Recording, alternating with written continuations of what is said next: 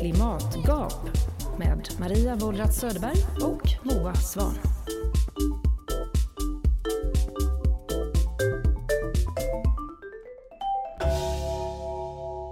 Maria, är du nöjd? Alltså, nu eh, ställer du en fråga som passar mig eh, som, i, ja, som passar mig väldigt bra på sätt och vis. För jag är otroligt nöjd. Det kanske är det, jag kanske är den nöjdaste människan jag känner. Men, ja, men till, till exempel så här. Jag är alltid sugen på, på jag gläder mig alltid på att, att jag ska få äta mat. Eh, på, när jag går och lägger mig gläder jag mig åt att jag ska äta frukost. Och när jag eh, eh, har ätit frukost och gläder mig åt min matlåda. Och sen gläder jag mig den här förmiddagen om att jag ska gå och äta min matlåda. Och sen på eftermiddagen börjar jag tänka på middagen och så är jag så himla nöjd med att jag ska laga en god Så där håller jag på. Och jag tycker att jag, jag är så oerhört nöjd med, med, med, alla mina människor. Jag tycker att min man är fruktansvärt attraktiv. Mm. Men grejen är det, jag är till och med skitnöjd med mitt ex faktiskt. Uh, och, men jag har alltid tyckt att det här är lite pinsamt.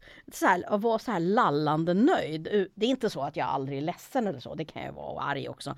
Men att, och att det är ett tecken på att man är utan ambitioner och liksom mål på något sätt. Att man saknar någon sorts kritiskt förhållningssätt. Men så, å andra sidan så är jag inte så nöjd som min farfar var. Han var så fruktansvärt nöjd så att han hade ingen urskiljningsförmåga. Eh, som jag kommer ihåg en gång när han eh, satt åt skorpor vid, vid, hemma hos mig. Och så tackade min mamma för den utsökta marmeladen men det han hade tagit på sina skorpor det var gammal överbliven köttfärssås. så nöjd är jag inte att jag inte har någon urskiljningsförmåga. Men det är ändå intressant. Vad, det, vad är det här för sorts nöjdhet? Är det här den sortens nöjdhet som vi ska prata om idag? Mm. Eh, eh, för det här betyder ju inte att jag har haft en låg konsumtion. Är du nöjd Moa? Ja, eh, mm. du pratar ju om mat Maria, men jag vet ju också att du har många andra saker mm. i ditt liv. Jag mm. känner ju snarare att jag är en sån som strävar uppåt. Mm. Att jag bor i lägenhet men jag vill någon gång i framtiden ha ett hus. Mm. Eh, jag eh, pluggar, men jag vill någonstans jobba med någonting ännu bättre. Mm. Eh, så jag har ju ändå så listor på grejer. Jag har, har en båt, men jag vill gärna ha en större båt. Däremot mm. så har jag inget körkort, det vill jag ha. Och då vill jag gärna ha en schysst bil. Mm. Så jag är delvis nöjd med det jag har, men är ändå lite så här det, kommer, det går uppåt. Det, ja. ska, det ska bli bättre. Du har så en jag, strävan. Liksom. Jag har en strävan. Jag förstår det här med att se fram emot nästa lunch. Mm. Men, men, jag kräver nog lite mer än en god matlåda. Det tror jag ändå. Men hörru du, jag har ju en del av det där du pratar om. Så det är ju för lätt för mig då att sitta och vara nöjd. Du har körkort och ja. hus och... Ja, mm. ja. och, en, och en del i en bil. Ja. Mm. mm. Mm. Nej men så kan det vara, att man absolut strävar efter mer ju mindre man har. Samtidigt så gillar jag ju din inställning till livet Maria, det här att man tänker, jag går snarare och lägger mig och känner, åh nej jag får inte äta mer idag. Mm. Åh nej det där var sista lunch, alltså så. Mm. Att man mm. hela tiden sörjer det som har varit för gått förlorat istället ja. för det som komma skall. Ja. Nej, men, vi men det här är ju lite grann av ett tema kan man nästan säga för oss. Vi gjorde det i förra avsnittet med Katarina Graffman som handlar om konsumtion och idag ska vi prata om att inte konsumera kanske. Mm. Och så hade vi avsnittet med KG Hammar som handlar om att avstå. Mm. Och idag? Idag ska vi prata om nöjdhet fast med, eh, inom en helt annan disciplin. Vi har nämligen med oss en, en Eh, doktor i planering och beslutsanalys.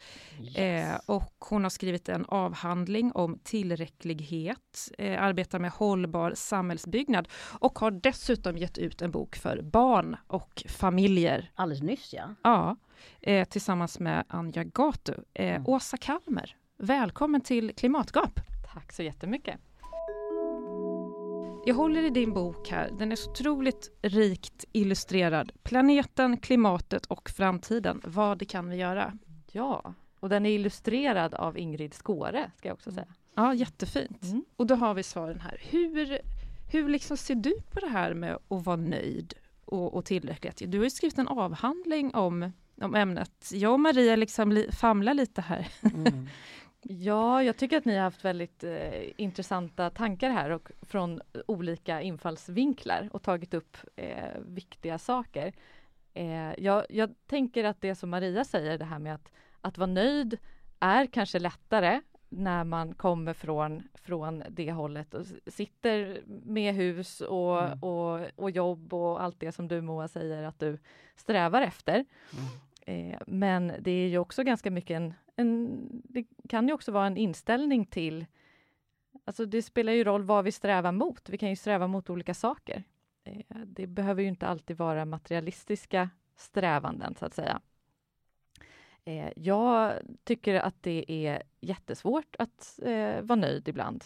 Jag, jag jobbar mycket med det själv på personlig nivå och, och är ju uppenbarligen intresserad av temat eftersom jag har skrivit en mm. avhandling om det. Och har väl närmat mig, närmat mig temat nöjdhet just utifrån tillräcklighet och vad det, vad det kan betyda där. I din avhandling så lyfter du fram tillräcklighet, eller sufficiency som det kallas då på engelska, som idé, som princip och som praktik. Ja. Vad är skillnaden? Eh, ja, bra fråga. Där som idé är ju tillräcklighet, om man pratar om det finns en som en tillräcklighetsforskning som ser på, på tillräcklighet som en idé som skulle kunna ligga till grund för organisering av samhället. Ja, då är det systemnivå. Ja, precis. Och, mm. och där handlar ju tillräcklighet om att ska man se det som en styrande logik eller vad man ska säga för samhället så handlar det ju om medans idag har vi en, en eh, logik som kanske snarare handlar om eh, effektivitet, att, att vi ska sträva mot ekonomisk tillväxt, det ska strävas mot mer och bättre och snabbare ofta. Mm. Utveckling är lika med mer och bättre. Och ja, precis. Ja. Och tillräcklighet säger ju snarare precis tvärtom. Mm. Att mm. vi behöver, vi behöver eh, tänka mindre, vi behöver mm. tänka långsammare, närmre. Eh, Men inte sämre va? Absolut inte sämre. och, det, och där, det är ju den stora knäckpunkten ja. här. Mm.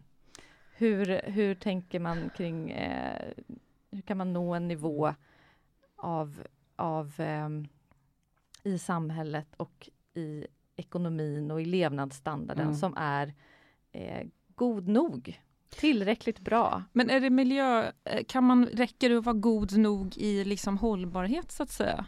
Alltså man skulle ju kunna tänka sig att eh, när bilar får snabbare och snabbare motorer att om man var mer nöjd med att vi, vi stannar med en viss hastighet och, eh, och så är vi nöjda där, då kan man liksom använda den energin eh, till något annat. Att de blir bränslesnåla eller något sånt där. Då kanske man är bäst på hållbara bilar. Det Men är det inte det. det konceptet som ligger bakom idén om det här att koppla isär tillväxt och eh, utsläpp? Eh, och som man också har ifrågasatt och kritiserat en hel del. Att vi ska kunna fortsätta leva som vanligt eller till och med ännu mera mm. eh, att leva ännu mer liksom eh, med ännu mera kvalitet vad vi nu betraktar som, som det. Eh, och samtidigt ändå minska utsläppen. Men det många tycker att det är problematiskt. Ja, precis. Om jag mm. får ta det där, låna det där exemplet mm. med bilen till mm. exempel, mm. så är det ju precis så att att när, när eh, utvecklingen styrd av effektivitet nu eh, utvecklar bättre och mer bränslesnåla motorer, då kan vi ju köra längre med mm. samma mängd bensin så att säga. Så att vi har gjort effektivare bilar men vi konsumerar egentligen lika mycket eller mer. Det är det vi brukar kalla rekyleffekten. Precis, rekyleffekten. Ja. Vad är det för någonting, rekyl? Det är precis det. Att, jag tänker på vapen, inte det som händer när man avlossar ett vapen och så kommer jo. det en rekyl? Ja, precis. Så, så det, det man kan säga är att här, vi tror att vi gör någonting för att minska eh, utsläppen, minska miljöpåverkan. Men det, det i sig, den, den mer, eh, alltså effektiviseringen leder till ökad konsumtion. egentligen. Så att det tar ut Så att de tar ut varandra. vinsten. Liksom. Ja, precis. Men du sa någonting att det, jag frågade, det behöver inte bli sämre va? Och, och det, det, men är det inte ofta så att vi tycker att mindre är sämre? Eller långsammare är sämre? Ja, det har vi ju lärt oss, att Mm. det ofta är så. Att, att eh, det är ju, just som jag var inne på, det, samhället bygger ju på den logiken att eh, större och mer är bättre. Snabbare är bättre. Eh, så det är ju en omlärningsprocess där skulle jag vilja säga, att tänka tillräckligt. Hur Och- kan en sån omlärningsprocess gå till? Ja, men jag skulle eh, kanske vilja backa till det här som Mm. du frågade om, liksom skillnaden mellan idé och, och eh, praktik. För där, det finns ju en eh, tillräcklighet är en idé och det är som sådan och en väldigt långt ifrån hur samhället ser ut idag. Det ska Ja. man ju vara medveten om. Och, men man kan ju också praktisera tillräcklighet i lite mindre skala. Mm. Och, eh, och där tänker jag att på så sätt kan man, kan man närma sig eh, tillräcklighet och man kan närma sig eh, nöjdhet som är en, Mm. den mentala delen av det delvis. Eller Kan man jämföra det med någon sån här feministisk aktivism som går ut på att, att, att liksom kvinnor som är upp, uppvuxna med det här eh, duktig flicka-idealet, att man hela tiden måste prestera bättre och bjuder man på middag så måste det vara det dyraste, det bästa, det ska, man ska Mm. stå länge i köket och att då tänka att, att kvinnor ska ha mindre hemarbete och eh, så. Någon slags jämställdhetstanke. Mm, nu ser du lite tvekande ut. Du bara, hmm. Nej men där känns det som att man jobbar med ett good enough ideal. Att man Ah, så här, du tog med dig eh, halvfabrikat. Du bjöd Mm. på Billys panpizza på middagen. Mm. Bra, för då har du visat att det är good enough. Mm. Eller liksom, du tog med dig färdiga kex och skickade med ungen till deras utflykt istället för att baka sju sorters pajer. Och så är det så här, bra. Mm. Ja, För, förstår ni, någon som har gått till psykolog och lärt sig säga Mm. nej.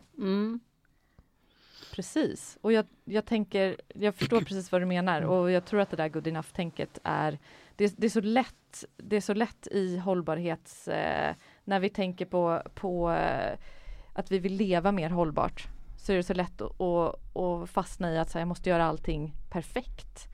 Och man kanske inte känner att man får uttala sig i hållbarhetsfrågor om man inte är vegan till exempel. Ja. Eller om man eh, har flugit de senaste två åren. Mm. Eller förstår ni vad jag menar? Att, Mm. att, ehm, så att absolut, vi, vi måste börja någonstans. Och eh, att, att tänka om kring vad som är liksom good enough för mig. Mm. Rent, nu har jag tittat i min forskning på materiell konsumtion.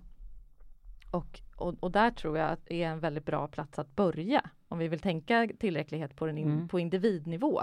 Mm. Nu har jag pratat lite tillräcklighet på samhällsnivå. Mm. Men det är ju också eh, Ja, det är ju också intressant att samhälle och individ samspelar ju på Men tänker du att, eh, att Alltså jag tänker att tillräcklighet som idé är någonting som skulle kunna bli en norm. Och normer utvecklas av individer som pratar med varandra men de ger också förutsättningar för systemförändringar på olika sätt.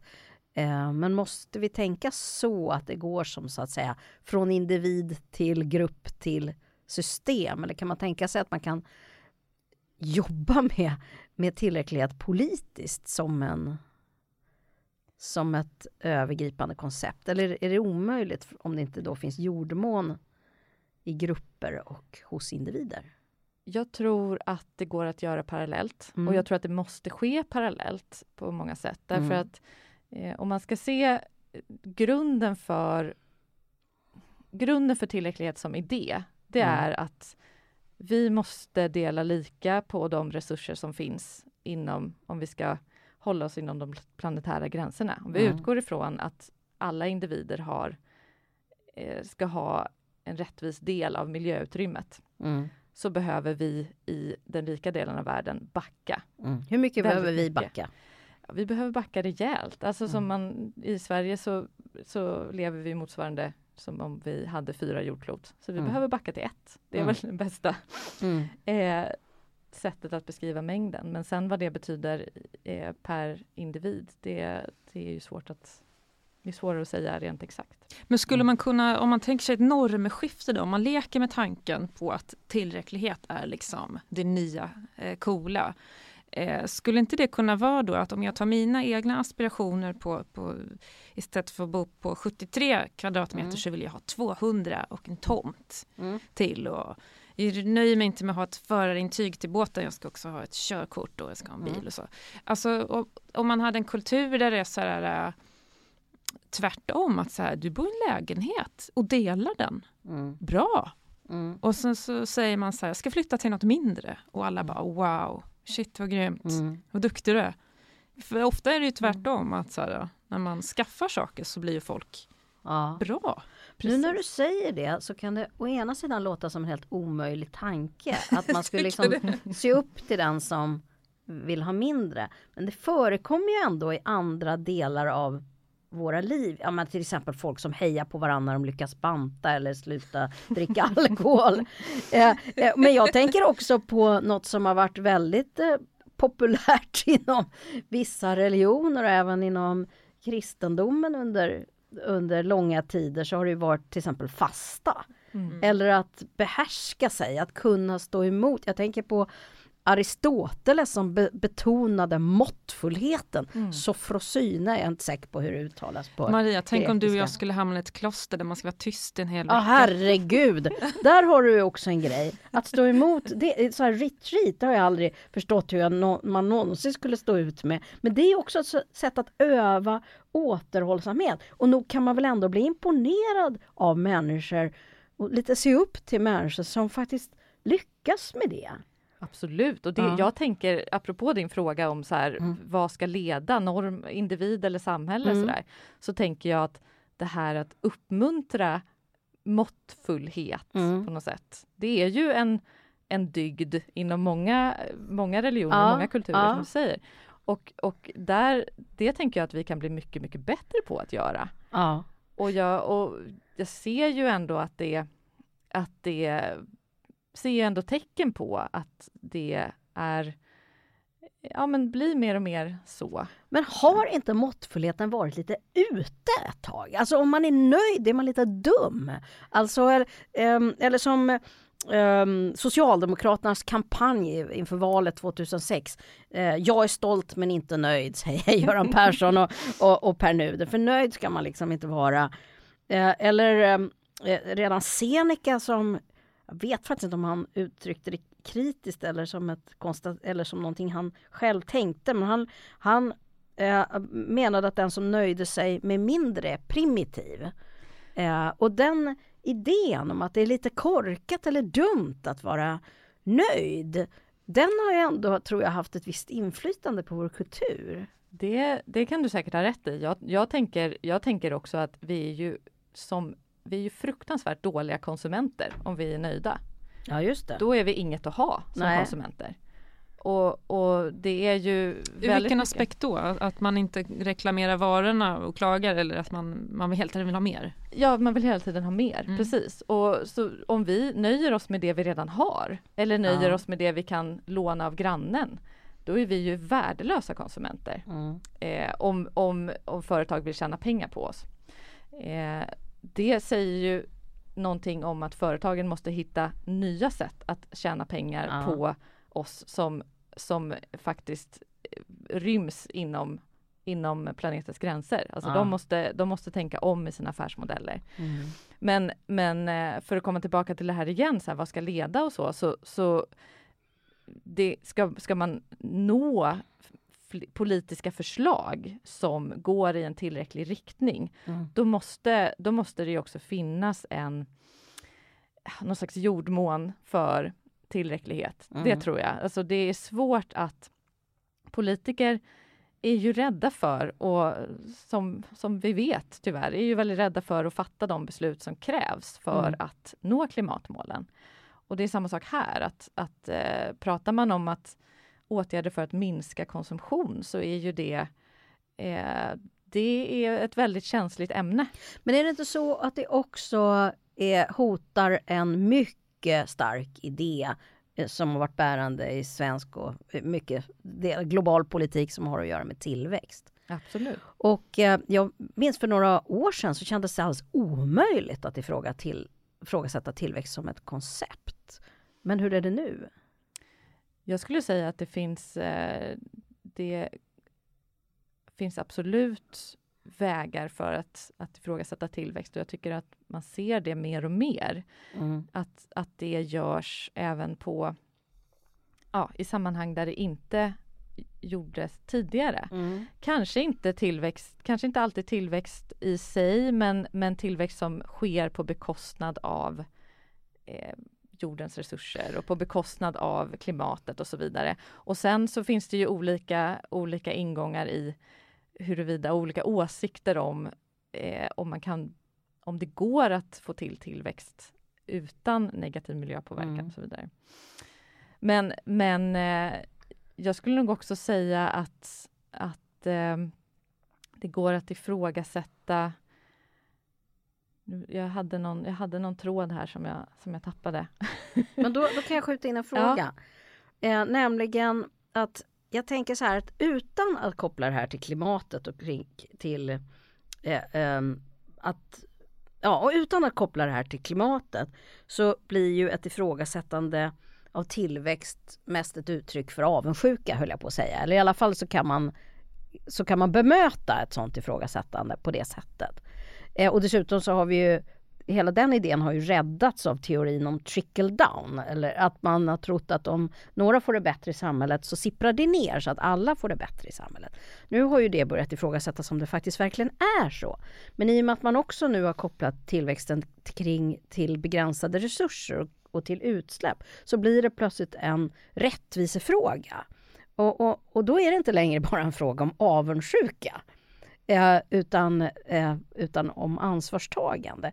Kan det ha spelat roll för samtalet? Att det, eh, det, men du är inte den enda som, som problematiserar tillväxt nu. Nej. Jag har många forskare som gör det inom klimatområdet. Ja, mm. och, jag, och jag tror att det, det ställs ju på sin spets eh, mer och mer ju mer vi ser hur extremt ojämlikt eh, den växande, det växande kapitalet fördelas. Alltså tillväxten, eh, mm. eh, den ekonomiska tillväxten eh, är ju extremt ojämlikt fördelad idag. och är den mer och, och ojämlikt fördelad idag än den var tidigare? Ja, det, det är den ju. Det, där bör ju en ekonom komma in med exakta siffror. Mm. Eh, så det vågar inte jag uttala mig om. Men, men man kan väl bara ja. hänvisa att ni som lyssnar, ni kan ju läsa Thomas, Thomas Piketty Kapitalet mm. på ungefär vad är det, 600 sidor. Mm. Ja, det kan man ju bara göra. och även kanske läsa, kanske läsa den här nya boken Girig i Sverige av Andreas Slavenka som, jo, som handlar om hur många nya miljardärer som har tillkommit i Sverige de senaste mm. åren. Så, men jag skulle också vilja säga en annan sak och det är det eh, det, fin- det har funnits ett eh, att, att ifrågasätta ekonomisk tillväxt har varit big no-no, men också att ifrågasätta eh, Alltså att, att, att överhuvudtaget tala om någon slags begränsning av den individuella friheten. Ja. Att tala om så här, min, min, min rätt som konsument att göra fria val. Ja. Att flyga precis hur mycket jag vill, att äta precis vad jag vill, att konsumera precis vad jag ja. vill. Det har varit, eh, det är ju på något sätt en grundbult i den i marknadsekonomin. Att, att, eh, att inte, den får inte ifrågasättas. Mm. Och där tror jag också att, att det finns en väldig rädsla eh, från politiskt håll men och, också, och ett väldigt motstånd. Mm. Och, och där, där ska man säga, det finns ju också liberala tolkningar som säger att så här, det, det får, friheter får ifrågasättas och begränsas om det är så att mitt, eh, mitt utnyttjande av någon viss frihet mm. skadar andra människor. Just det. Vilket ju verkligen är fallet när det kommer till men, vår överkonsumtion. Men har inte det, den dimensionen som har varit egentligen väldigt central i, den, i liberalismens eh, grundtankar lite försvunnit? Till att, eh, till att det har kommit att betyda ett sorts en tanke om berättigande. Ja. Eh, eh, Ja, men jag håller, jag håller att med. det, skyldighetsdelen av, av den liberala idén kanske behöver dammas av. Ja, det, det tror jag. Ja. Skyldighetsdelen och, och Mm. det som du var inne på, ansvarsdelen. Att, här, Vad är skyldighetsdelen skulle ni säga? Det är väl, det är väl just det att, att, ehm, att ta, ett, ta ansvaret eh, och att är det så att eh, min frihet, alltså jag, jag är väl skyldig att se till att, att min frihet inte drabbar, utövandet av min frihet inte drabbar andra. eh, Ja, och att, att negativt. andras frihet, Att du andras får inte frihet inte begränsa begränsas. andras frihet. Precis, tack. Din frihet får inte vara på bekostnad av någon annans frihet. Precis. Så det har funnits, det var ju centralt liksom i den liberala idén. Ja. Eh, Men är inte det här begreppet skam då som vi har pratat om innan, alltså att eh, skuldbelägga människor för att de flyger för Mm. mycket, det är ju lite fult att göra. Mm. Eh, men kan det vara så att själva skammen kommer utav att det handlar om en, en individuell frihet som, är, som inte får kränkas och inte får kritiseras?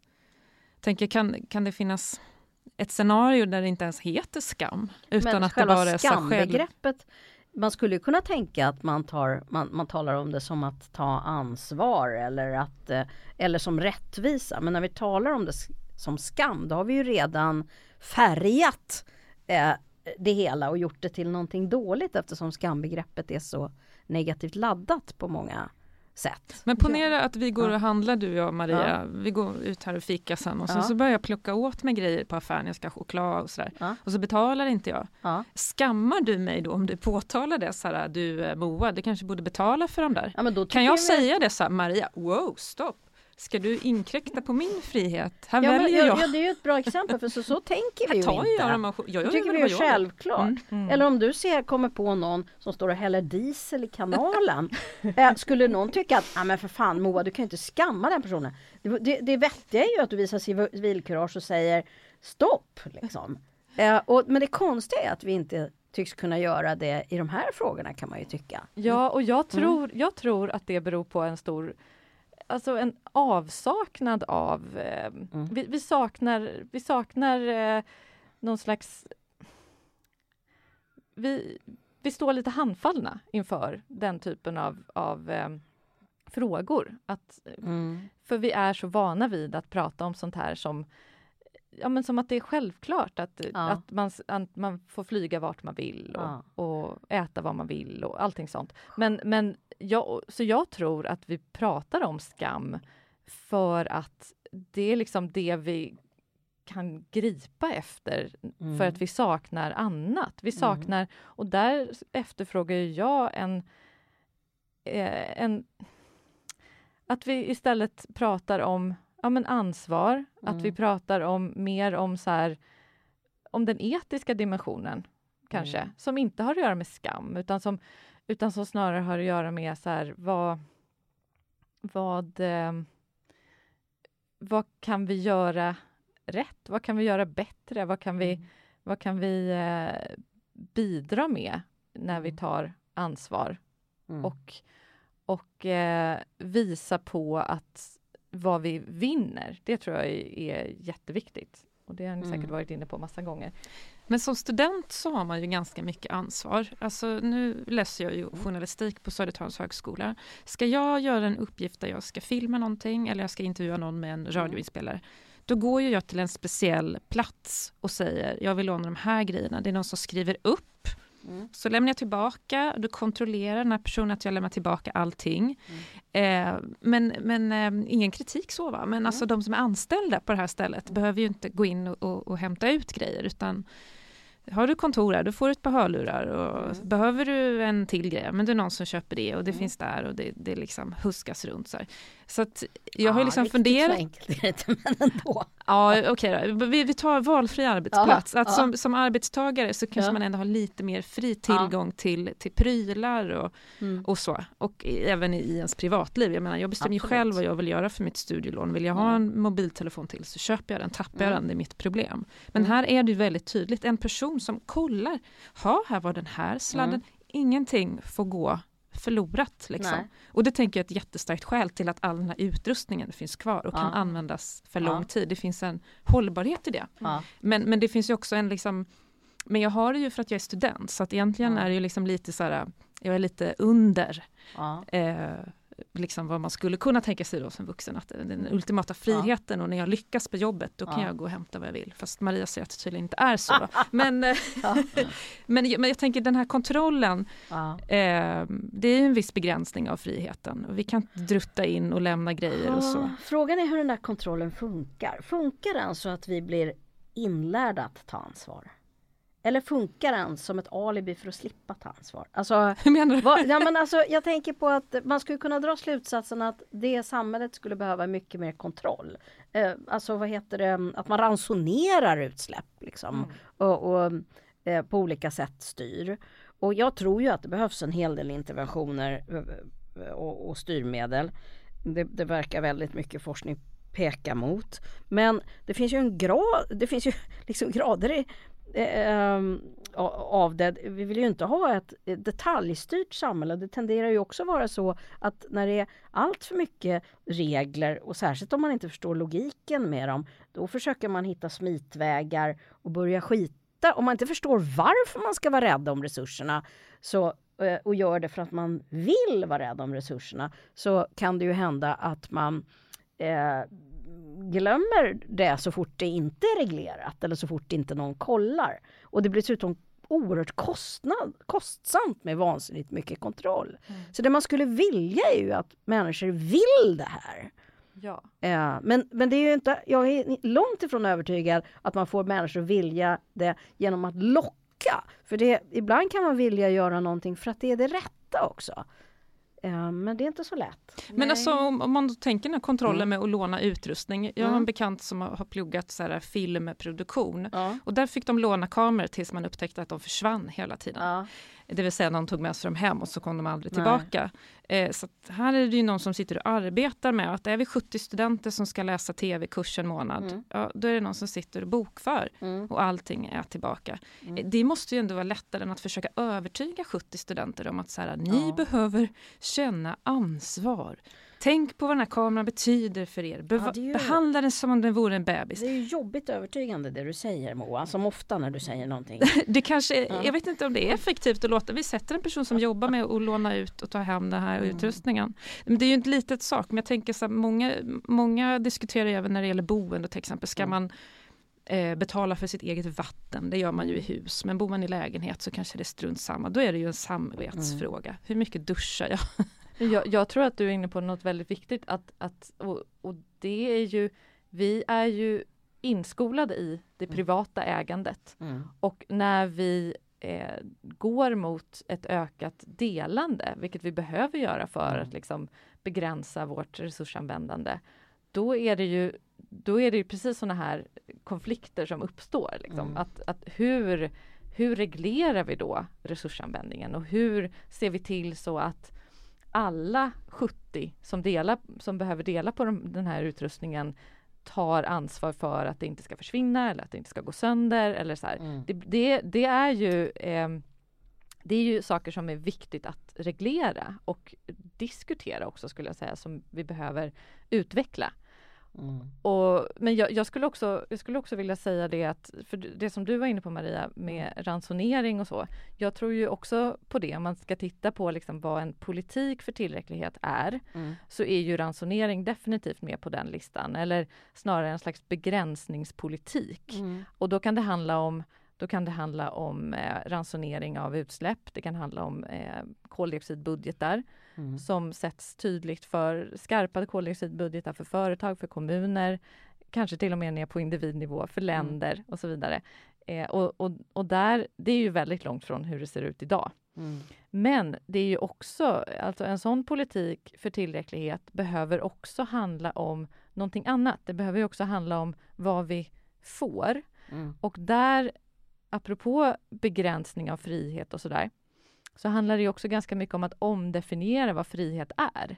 Bra. Vi är vana vid att tänka så här, jag, jag har rätt att köpa vad jag vill, jag har rätt att resa vad jag vill, jag, min frihet får inte inskränkas, mm. på, mitt, mina fria val får inte inskränkas.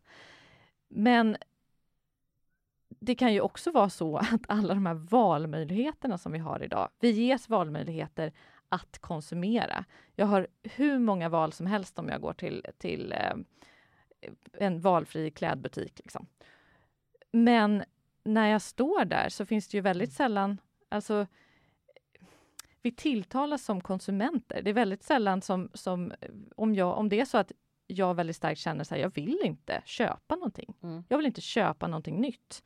Jag vill eh, låna en outfit till eh, den här festen som jag ska på på lördag. Mm. Eller hitta någon snygg mm. och hyra eller så här. Då blir plötsligt möjligheterna väldigt begränsade.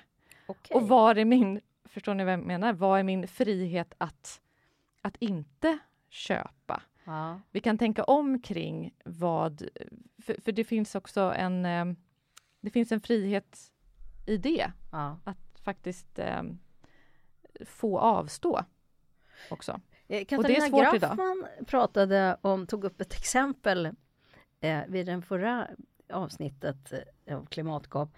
Eh, om, där hon hade eh, i sin tv-serie, vad hette den, Prylberget, just det. Eh, där hade de utmanats deltagarna att ha samma kläder en hel vecka. Ja, de kunde tvätta dem om de ville, men att prova att liksom variera mindre. Eh, och eh, att eh, man kan ju också tänka att kravet på att man ska vara, eh, ha, ha nya kläder på sig, att man går omkring och är rädd att någon ser att man har samma tröja som igår, är också en sorts inskränkning av friheten. Alltså överhuvudtaget så är ju normer jag tänker på barn som känner pressen att de måste ha samma prylar som sina klasskamrater. Som en sorts, att man kan tänka att det är en sorts tvång. Absolut, och mm. där, det finns mm. ju vissa förväntningar på, mm. på oss och normer som vi förväntas följa mm. och så mm. vidare. Och där, alltså i, i min forskning så tittade jag på, så intervjuade jag två grupper mm. som praktiserade tillräcklighet eller närmade sig tillräcklighet i konsumtion från två olika håll. Eh, och dels den ena gruppen var sådana som aktivt hade valt att ha ett köpfritt år.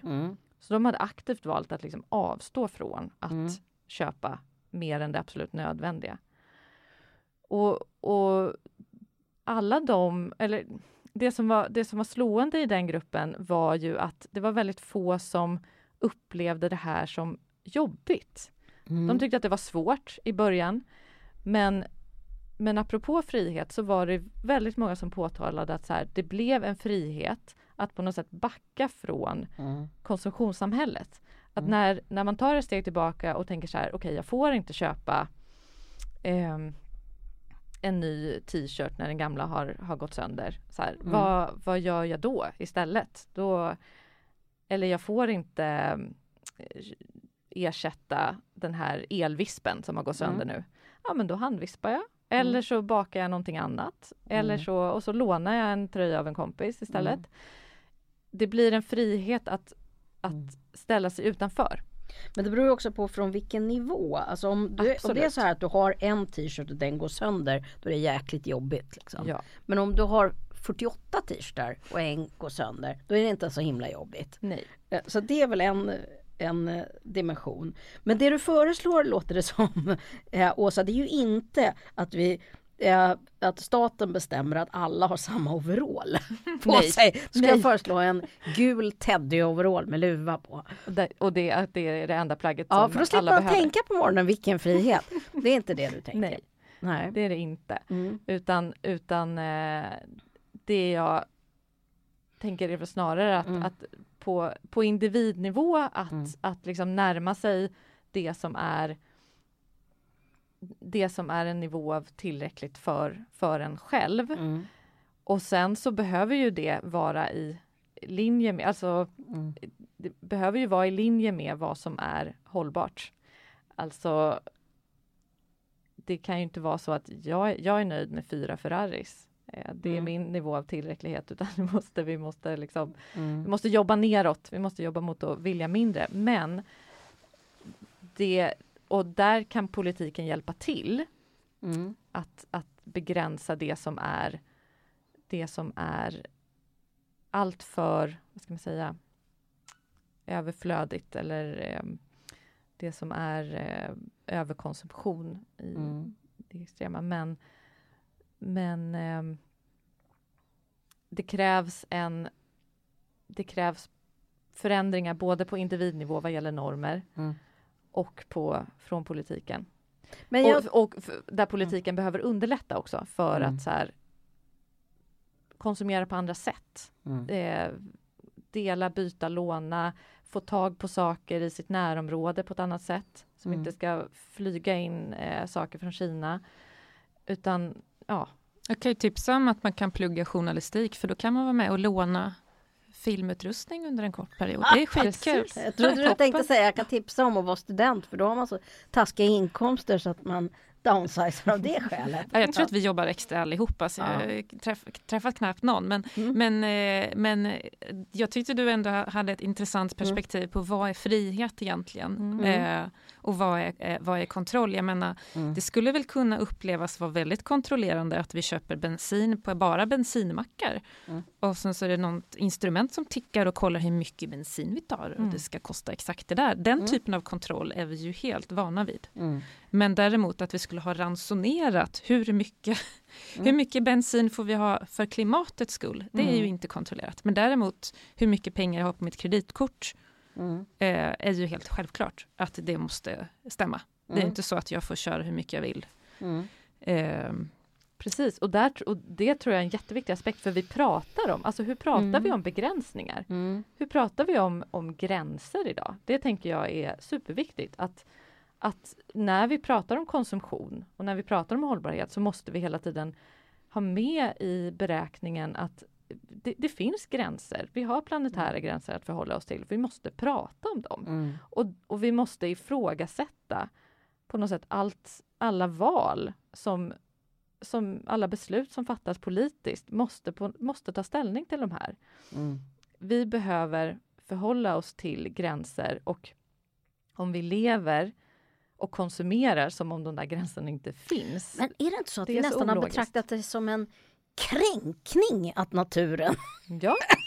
har gränser? Och det kan vi ju inte fortsätta det kan vi med. Inte. Alltså, om vi inser att det är faktiskt naturen som sätter gränser och egentligen inte andra människor. Mm. Då är det ju väldigt svårt att invända mot det. Det är som att bli för, man kan ju bli förbannad om det är missväxt naturligtvis eller om det mm. kommer en storm. Men det är ju lite bortkastad energi för att det är ingen som lyssnar när vi klagar.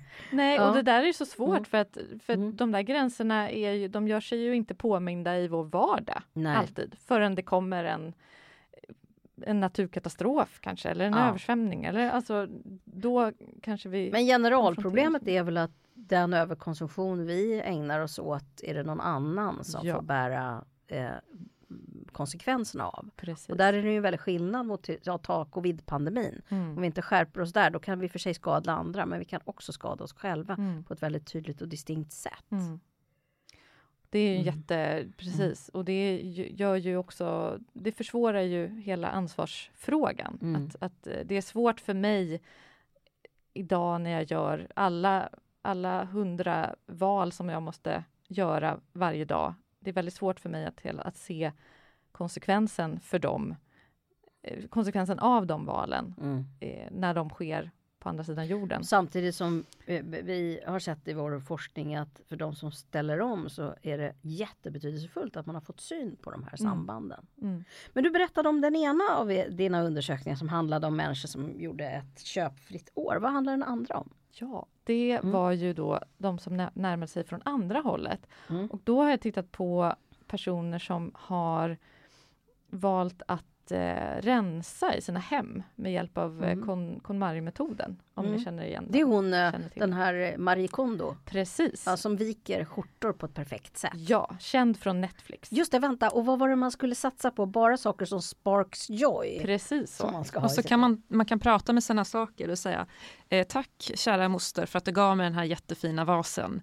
Eh, men nu sorterar jag ut den. Typ. Precis. Visst? Mm. Mm. Ni har ju stenkoll på ja, den här oh ja, oh ja, ja. Mm. Och det, precis. Men jag kan inte säga att jag lever efter det. Nej, Nej men för jag, mm. jag intresserade mig för den här därför att, därför att Marie Kondo då, som är, hon är en japansk eh, städkonsult tror jag hon kallar sig från mm. början.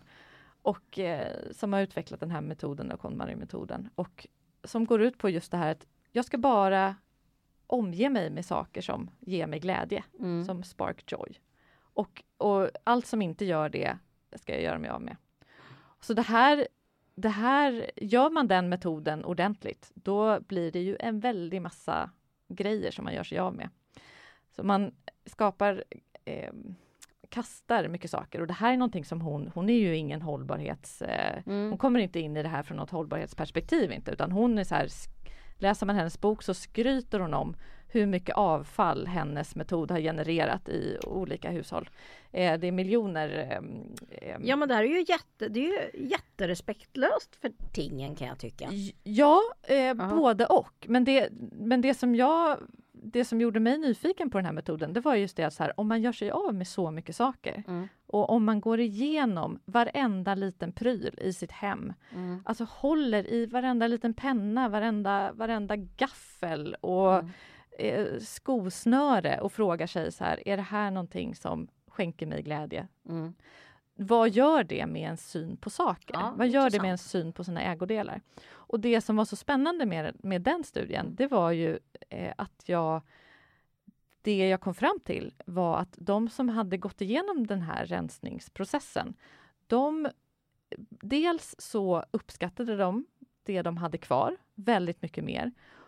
Och dels, vilket är framförallt är intressant när det gäller konsumtion, så minskade de sin konsumtion mm. av nya saker. Mm. Ganska så drastiskt, därför att de blev väldigt mycket mer medvetna om vad mm. det var som var viktigt för dem, vad de uppskattar, vad de vill ha hemma mm. och vad som var onödigt. Så att från att ha varit, det här var ju, om man, om man jämför den här gruppen med de som var, valde att ha ett köpfritt år, så var ju de här eh, KonMariarna, de var ju mycket mer så mainstream-konsumenter. Mm. Den köpfria gruppen var ganska medvetna konsumenter redan innan. Mm. Men KonMariarna var lite mer så här, ja, väldigt intresserade av inredning ofta, intresserade av kläder och ja, köpte ganska oreflekterat. Men eh, de slutade i princip allihopa med impulsköp. Mm. Därför att de blev så kräsna med vad de tog in i sitt hem. Mm. Och det, Höll effekten i sig undrar man ju? Ja, alltså det ska ju sägas att, att den som var liksom, hade längst distans till det här mm. så att mm. säga. Det var väl två eller tre år sedan hon blev färdig. Mm. Så att det, det, skulle ju behövas en, en Bli till. färdig? Alltså som hon, blev, som hon hade gått igenom alla okay. sina saker. Så att hon, ah. ja. Så, så, att, så att det skulle ju behövas en uppföljningsstudie av det här såklart och se liksom hur, hur eh, men... men... Men jag måste fråga en sak. Mm. Eh, jag har haft i min eh, bekantskapskrets en del personer som har sparat på sig saker och, och, i några fall så kan man nästan tala om hoarding, eller man kan göra det faktiskt. Eh, men i några fall så kan jag känna, och då, då har det blivit fullständigt galet liksom. Men i några fall så kan jag tänka att det finns någon, någonting sunt i att, um, att man um, Ja, jag tänker på min mans farmor som sparade på eh, syltburkar, linnehanddukar och en massa så, och hennes man som sparade på fönster därför att de kunde vara bra att ha. Och så här efterhand så kan man tycka, ja men det var väl inte, de, de användes ju aldrig, de blev stående i en jättestor lada liksom. Så det var ju onödigt. Men å andra sidan har man upplevt krig och armod så är det ju viktigt att, att inte bara kasta saker för att man tillfälligtvis har tröttnat på dem och för att de inte sparks joy. Eh, och jag undrar om eh, vi, det vi behöver kanske är en sorts blandning av de här förhållningssätten. Där å ena sidan så köper vi inte nytt om vi inte behöver det. Men å andra sidan så tar vi vara på saker även om vi inte vet om vi kan använda dem precis nu. För det kan komma ett tillfälle där jag blir för sig galen. Eh, eh, jag har blivit galen när min mamma har sparat saker som alla vi barn säger att men ingen av oss kommer vilja ha det här. Nu tror hon har slutat göra det. Men, men, eh, men, men ändå, det finns ingen anledning att spara mina gamla skor som jag hade när jag var baby. Eh, och nu är jag 54 och ingen kommer någonsin ha. Alltså då, då känns det onödigt. Mm. Men det är också något, något olustigt i det här slängandet av välfungerande saker. Jag, jag förstår precis vad du menar Ja. och, jag, och jag tror samma sak att, att Mm. vill vi, vi behöver ha resurser för att laga saker hemma Ja. till exempel. Men så jag tror också att jag tycker ju att de här två fallen är intressanta för Ja. att de är varandras motsatser. Ja, så att säga. precis. Men de här hoarders, alltså den här generationen, Mm. äldre generationen som sparar på prylar, de kan ju också ha jättestora hus som de bor Ja, i. just det. Ja, Och då tänker man, hur miljövänligt är det att Mm. värma upp två Ja våningar jävlar och Moa, en nu källare? kommer du tillbaks till och- det där alltså. Det fan, du ska klia i såret hela tiden.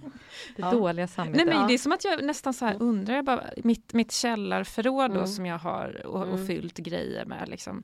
Ska, ska jag ha ett till så finns det en faktisk kostnad Ja. på det. Jag kan hyra ett till. Mm. Och då får man ju fundera så här, är det värt Mm. 350 kronor i månaden för att spara fönster som Ja, jag nej. kanske vill ha? Eller Mm. eh, där någonstans börjar man liksom väga fram och tillbaka. Däremot Mm. har man ett stort hus och bor kvar själv, då är det lite lättare. Mm. Så när jag hälsar på min pappa så här, ah, du har du några fler grejer till gardinerna här? Mm. Nej, men jag kan tillverka några. Liksom, då går han in i Mm. verkstaden och där finns det ståltråd. Det finns liksom alltid. Och det är ju prylar. jätteviktigt tänker jag. Den, Mm. den aspekten är ju att det går att här, tillverka saker eller att det går att så här, vi Mm. behöver ju mer av det. Men, men jag tror ändå att vi kan lära oss ganska mycket av att det går att frigöra sig från det går att frigöra sig från, eh, vad ska man säga, ha-begär Mm. Ja. genom att göra sig av med saker. Ja, och det, det- tycker jag är intress- den Precis. intressanta lärdomen att ta med sig kanske. Att Mm. genom att rensa så, så kan jag förstå vad jag faktiskt Just vad det. jag behöver och vill. För jag menar, Ja. Det är Det är tillbaka väldigt till den grejer. religiösa tanken här i början. Det Ja. kanske är det de var inne på Ja, där. det får mig att tänka på Gregorius eh, eh, som sa, kyrkfadern Gregorius, att, att eh, det var liksom som en ond cirkel om man frestade sig själv, nu talade han om frosseri, med såser och godsaker, så ökade det liksom ytterligare lusten. Eh, och kanske är det så att konsumtion också kan väcka konsumtion. Alltså, eh, att det blir som en ond cirkel. Medan det, jag här absolut. förhållningssättet då som du beskriver hos de här eh, vad kallas de för? Konmariarna. konmariarna. Ja. Då, att, att det blir ett... Ja men det blir eh, det botar en del av den här konsumtionshetsen. Men du, då undrar jag så här. Eh, hur, hur, alltså det är en sak att det är individer som gör det här. Men hur blir det en norm, någonting eftersträvansvärt? Något, något, först när du berättade om det så hörde jag själv hur jag nästan förlöjligade lite grann, eller jag gjorde det, förlåt, förlåt, förlåt. Eh, och, och, och nu känner jag mig skamfylld över det. Det är ju någonting jättebra på många sätt. Men, men hur blir det något att sträva efter, en statusgrej om det nu behöver vara det? Ja, men där tror jag att vi Mm. behöver lyfta välmåendeaspekterna i det här. Och det var ju någonting som båda de här grupperna underströk väldigt tydligt att så här, den köpfria gruppen mådde väldigt bra av att ja, men ställa sig utanför. Många kunde gå ner i tid till exempel eller upplevde att de fick mer tid när de inte behövde tänka så mycket på konsumtion och prylar och, och så. Mm. Och de gjorde ju såklart av med betydligt mindre pengar. Och upplevde ett ökat välmående av, av det. Mm. Och den andra gruppen, konmariarna, det, som, det var intressant där att de, att de genomgick en slags process av där de även rensade ut i andra områden i livet. De bytte jobb eller de gjorde slut med sina partners eller de Mm.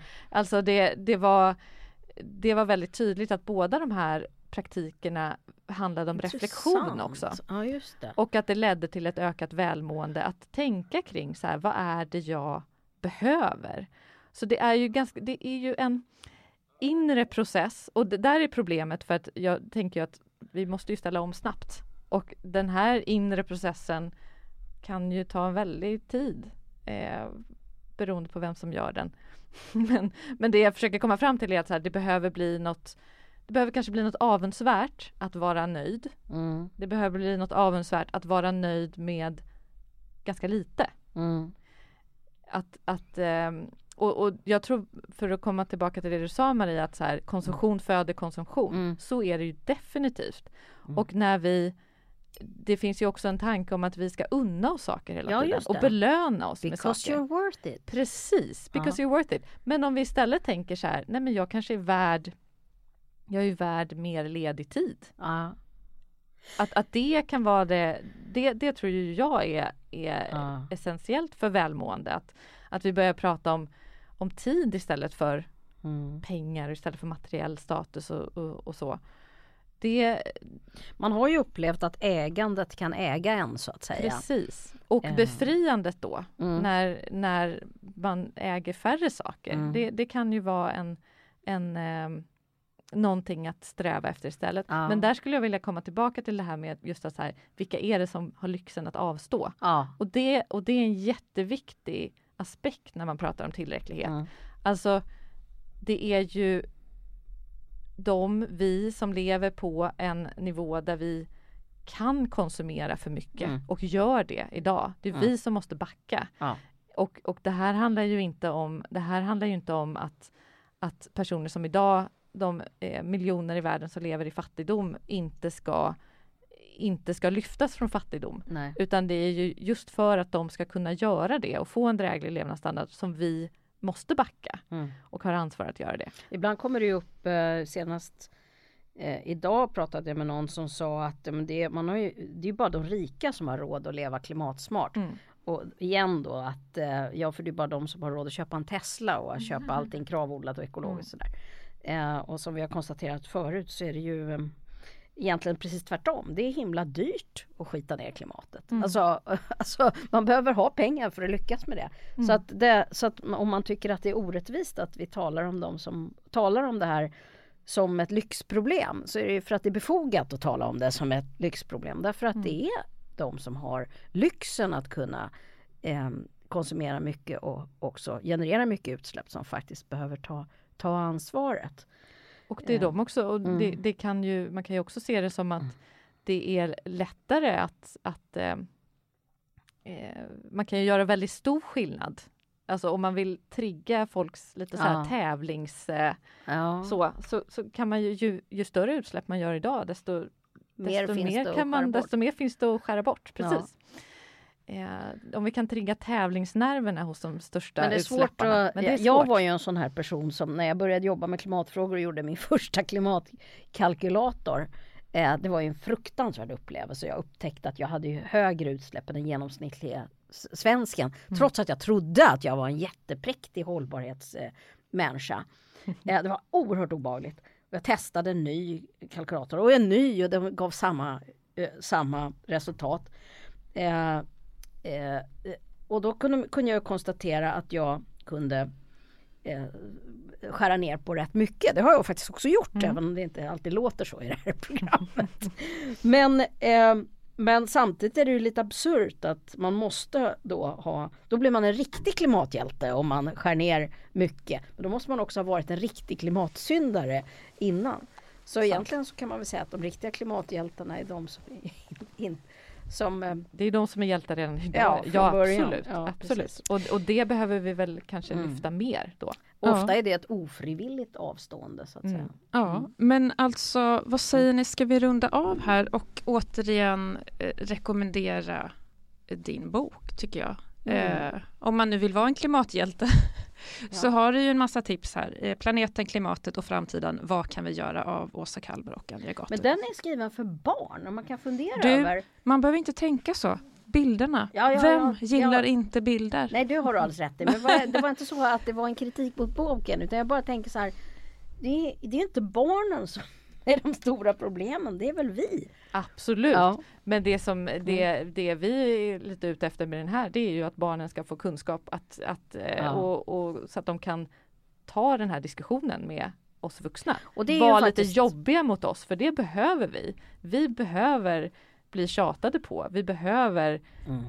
många Alltså för barn är det ju lättare att tänka om och tänka nytt och så här. Vuxna är ju så himla fasta, Mm. fast i eh, normer och vanor och, och allting sånt. Och vi Mm. vet också att barn är faktiskt motorer i omställningen. Inte bara Absolut. genom att många är engagerade i klimatrörelser. Children is the future. Det känns lite sådär preachy men det stämmer ju. Ja Alltså, men barnen det är ju absurt att tro att det inte skulle vara så. Ja. Det är väl en härlig insikt att, att vi faktiskt låter oss påverka. Som, Ja. Och det är väldigt viktigt att, att också eh, ta barns oro på allvar mm. kring de här frågorna och, och eh, att prata om hur vi tillsammans kan förändra Mm. för, Mm. Att, för att det inte ska fastna i liksom, hopplöshet och eh, oro och klimatångest. Mm. Utan hur går vi framåt och vad kan vi göra tillsammans? Får vi lov att tacka så mycket för detta Ja, men samtal? vi får väl det. Jag är faktiskt skitnöjd Åsa. Ja men vad roligt, det har varit Ja. jättekul att vara här Tack så och prata med jättemycket er. för att du var med. Det har varit så Och kul. totalt okritisk. Du har hört Klimatgap från Södertörns högskola. I studion Maria Wollratz Söderberg, producent Moa Svahn, tekniker Josselin Hultman. Dagens gäst var Åsa Kalmer.